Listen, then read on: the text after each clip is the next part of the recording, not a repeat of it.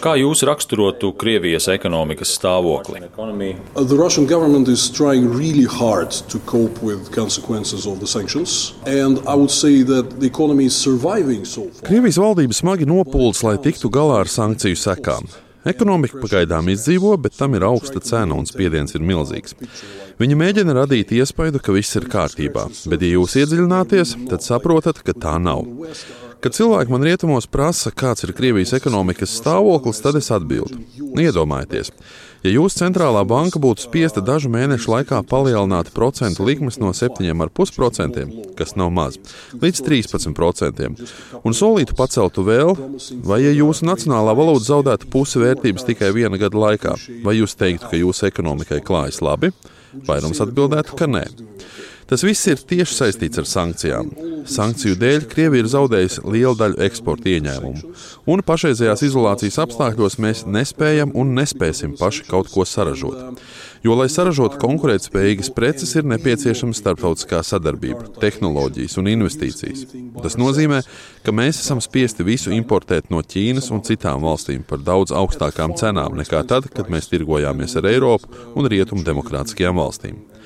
Sekas tam ir importa pieaugums, eksporta ieņēmumu kritums, milzīgs spiediens uz rubli, pilnīga atkarība no patēriņa un rūpniecības preču importa.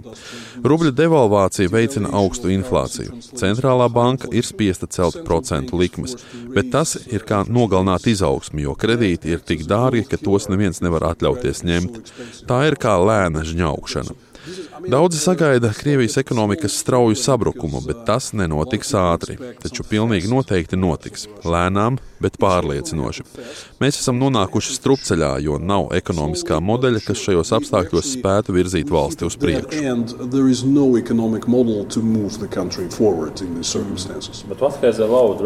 Kas ir ļāvis Krievijai saglabāt salīdzinoši labu ekonomisko stāvokli, neraugoties uz rietumu sankcijām? Again, Health, I would say avoided collapse. Uh, first, they maintained significant reserves. Vēlreiz es to nesauktu par labu ekonomisko stāvokli. Es teiktu, ka ir izdevies izvairīties no ekonomikas sabrukuma. Pirmkārt, Krievijas valdība uzkrāja nozīmīgas valūtas rezerves. Tagad mēs zinām, ka viņi to darīja, jo gatavojās pilna apmēra karam. Iepriekšējos gados Krievijas valdības virzienā izskanēja jautājums, kāpēc viņi neizmanto šīs rezerves ekonomikas finansēšanai Covid-19 pandēmijas laikā. Kāpēc viņi turpina palielināt nodokļus, kas kaitē ekonomikas izaugsmai? Tam nebija nekādas loģikas, bet tagad mēs zinām, ka viņi glabāja šīs rezerves, lai izturētu kara radīto spiedienu un sekas. Otrakārt, valdība ir pārorientējusi daļu no tirzniecības plūsmām uz Āziju, Ķīnu un globālajiem dienvidiem. Tomēr Krievija tagad saprot, ka pēdējos 30 vai 40 gados rietumi kolektīvi bija mūsu galvenais kapitāla, tehnoloģiju un prasmu donors. Ķīna, Indija un citas valstis nav ieinteresētas būt donori, investīcijas neienāk. Kopš pilna apmēra iebrukuma Ukrainā Ķīnas, Indijas un Tuvu Austrumu investīcijas Krievijā ir nulle. Viņi nav ieinteresēti tehnoloģiju nodošanā, viņi ir ieinteresēti tikai ļoti primitīvā tirdzniecībā. Viņi pērk mūsu resursus ar atlaidi, bet pārdod savas gatavās preces ar uzcenojumu. Tas palīdz saglabāt status quo, notur ekonomiku virs ūdens, taču tas nevar garantēt progresu un attīstību. Tā ir atšķirība starp sadarbību ar rietumiem un sadarbību ar Ķīnu un citām pasaules dienvidu valstīm. Vai var teikt, ka Krievija ir iemācījusies pielāgoties kara ekonomikai? Russia is uh, investing great efforts in adaptation. And we cannot say that it's completely unsuccessful. Krievija iegulda milzīgus pūliņus, lai pielāgotos, un mēs nevaram teikt, ka tie ir pilnībā neveiksmīgi. Ir dažas jomas, kurās Putins gūst ievērojams panākums, piemēram, sankciju apiešana, izmantojot dažādas schēmas. Ja man būtu jānosauc viena joma, kurā Putins patiešām gūst labus panākumus, tad tā ir šī, jo viņš joprojām pērk daudz ar militāro jomu saistītu divējādi lietojumu preču arī no rietumiem, izmantojot čaulas kompānijas. Un ar šādu schēmu starpniecību caur Turciju, apvienotiem Arābu Emirātiem, Ķīnu un Hongkongu. Valdībai ir izdevies pārkārtot tirzniecības plūsmas caur Turciju, Centrālā Aziju un Ķīnu tā, ka tirzniecība joprojām notiek un Krievija turpina saņemt preces, kas ir nepieciešams patēriņa tirgumu un rūpnieciskajai ražošanai. Bet atkārtošu, ka galvenā atšķirība ir tā, ka cena ir ievērojami augstāka un šāda tirzniecība nav sasaistīta ar investīciju un tehnoloģiju nodošanu. Kad mēs sadarbojāmies ar rietumiem, tas vienmēr bija saistīts ar būtisku tehnoloģiju nodošanu, kas veicināja atsevišķu Krievijas rūpniecības nozaru attīstību. Tagad nekas tāds nenotiek, un ar to panākumi beidzas, jo nebūs investīciju, kapitāls turpinās aizplūst un nenotiks importa aizvietošana. Putins vairāk vai mazāk pārvalda ekonomiku, lai tā noturētos virs ūdens. Izveidot jaunu, veiksmīgu un uz nākotni vērstu ekonomikas modeli? Nē. Tāpēc pazīstamais oligarks Oļegs Džeripaska nesen teica, ka Krievijai nav nākotnes vīzijas, nav nākotnes modeļa. Viss ir miglā tīts. Mēs nezinām, kur pējam.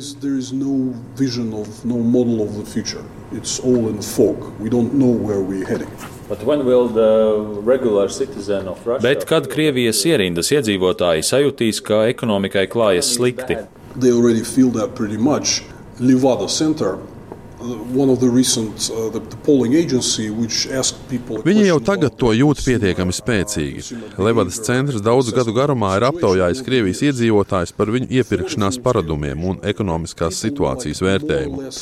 Pirms pilna apmēra iebrukuma Ukrainā aptuveni puse iedzīvotāji atbildēja, ka situācija ir pietiekami laba, bet otra puse atbildēja, ka tā ir sarežģīta vai grūti panesama. Tagad tādu cilvēku, kur uzskata, ka situācija kļūst ar vien labāk, ir 6% bet tādu cilvēku, kur uzskata, ka situācija neuzlabojas, bet ir normāli, ir zem 20%. Tātad kopā tie ir kādi 25%. Pirms kara šādi atbildēja aptuveni puse. Pārējie 70% Krievijas iedzīvotāji ir sadalījušies uz pusēm. Daļa saka, ka ir slikti, bet mēs tiekam galā. Otra jeb aptuveni trešā daļa iedzīvotāji atbildēja, ka situācija ir nepanesama. Tas ir nozīmīgs pieaugums un kara efekts jau ir jūtams. Nu, protams, rodas jautājums, kad tas izpaudīsies kādā politiskā rīcībā. Taču ir jāsaprot, ka pēc pilna apmēra iebrukuma sākuma Putins ar nodomu ieviesa bargus kriminālsodus par valdības kritizēšanu. Var saņemt 15 gadus cietumā par ekstrēmismu. Mums burtiski ir tiesu spriedumi, ar kuriem cilvēkiem ir piespriesti reāli cietumsodi, norādot, ka viņi ir iesaistījušies ekstrēmistiskās darbībās, kritizējot valdības politiku. Tāpat var piespriest līdz 15 gadiem cietumā arī par Krievijas armijas un tās Ukrainā pastrādāto zvērību kritizēšanu. Cilvēki vēlas izteikties, bet viņi baidās. So, uh, people would want to speak up, but they are afraid. Vai jūs atbalstāt, ka iesaldētie Krievijas aktīvi tiek izmantoti Ukrainas atjaunošanai? Support, but, uh, es ne tikai to atbalstu. Mēs ar kolēģiem no Fonda Brīvā Krievija rietumos aktīvi iesaistāmies dažādās diskusijās par to, kā to praktiski izdarīt, jo mūsu morālais pienākums ir panākt, lai Krievija samaksātu par pastrādātajiem noziegumiem un postījumiem Ukrainā, un lai Ukrainu atjaunot, izmantojot Krievijas naudu. Russian money is used for that. Let's talk about Russian opposition. Parunāsim par Krievijas opozīciju. Vai Krievijā pašlaik vispār ir opozīcija? Noteikti. Ja paskatās uz skatītāju skaitu sociālajos medijos, mēs esam salīdzināmi ar valsts televīziju. Mēs elpojam mugurā. Dažādu neatkarīgo un trimdas opozīcijas spēku kopējā auditorija ir 30 līdz 35 miljoni unikālo skatītāju mēnesī tieši no Krievijas. Es teiktu, ka 10 līdz 15 miljoni no tiem ir pastāvīga auditorija. Sabiedriskās domas aptaujas rāda, ka televīzija ir galvenais informācijas avots aptuveni 60% Krievijas iedzīvotāju, sociālajie mēdīji 40%. Tas nozīmē, ka līdz pat 40% neskatās Putina televīziju. Viņi dod priekšroku neatkarīgai sociālo mediju telpai. Mums ir daudz lielāka ietekme nekā rietumu radiostacijām augstā kara laikā. Pirms mūs arestēja vai piespieda doties trimdā, mēs bijām galvenais politiskais spēks, jo neviens mūs nevarēja pārspēt ielu mobilizācijas potenciāla ziņā. Imperialisti vai komunisti nekad nespēja sapulcēt tik daudz cilvēku uz mītiņiem. Mēs bijām lielākais ielu spēks. Pirms mūs iznīcināja. Un tāpēc Putins 2021. gadā faktiski sāka gatavošanos pilna mēroga iebrukumam Ukrainā, vispirms iznīcinot organizēto opozīciju Krievijā. Jo pēc tam, kad viņš pirmo reizi iebruka Ukrainā 2014. gadā, mums Krievijas lielākajās pilsētās bija ļoti iespaidīgi miera gājieni, kuros piedalījās desmitiem tūkstoši cilvēku un nes Ukrainas karogus. Un tas bija svarīgs signāls Putinam, ka pirms nākamā iebrukuma viņam ir jāsakārto situācija Krievijā. Fakts, ka viņš tērē tik daudz resursu, lai cīnītos pret tādiem kā mēs, sniedz atbildi uz jūsu jautājumu, ka jā, opozīcija Krievijā pastāv. Gives an answer to your question that yes, opposition does exist. Vai dzīvojot ārvalstīs, jums ir sajūta, ka varat kaut kādā veidā ietekmēt sabiedrības viedokli vai rīcību Krievijā? Most definitely, because you cannot uh, No Pavisam noteikti, tāpēc, ka jums nevar nebūt nekādas ietekmes uz tik nozīmīgu auditoriju. Tikai manu YouTube kanālu, kas ir salīdzinoši neliels, tam ir tikai pusmiljons abonentu. Ik mēnesi aplūko viens miljons unikālo skatītāju no Krievijas. Tā ir liela auditorija, un mūsu vidū ir cilvēki, kuriem ir daudz lielāka auditorija. Tātad, jā, mums ir ietekme. Un, ja paskatās uz sabiedriskās domas aptaujām, var redzēt diezgan stabilu atbalsta samazināšanos karam jau kopš pilna apmēra iebrukuma sākuma. Arī tas ir mūsu nopelns. Es šo tendenci nesasaistu tikai ar mūsu aktivitātēm, bet tā noteikti ir saistīta ar to, ko mēs darām. Manuprāt, nepelnīti maz uzmanības rietumos izpelnījās prokremliskā Viskrievijas sabiedriskās domas izpētes centra ģenerāldirektora Valērija Fjodorova nesenā intervija vienā no Krievijas lielākajiem mēdījiem RBK Kad viņam jautāja par karu Ukrajinā, Fjodorovs atbildēja, ka tikai 10 līdz 15% Krievijas iedzīvotāji ir dedzīgi kara atbalstītāji, bet vairākums iedzīvotāji nevēlas karu un nebūtu to uzsākuši, tā būtu bijusi viņu izvēle. Tāpēc mēs varam teikt, ka ietekmējam Krievijas sabiedrības viedokli.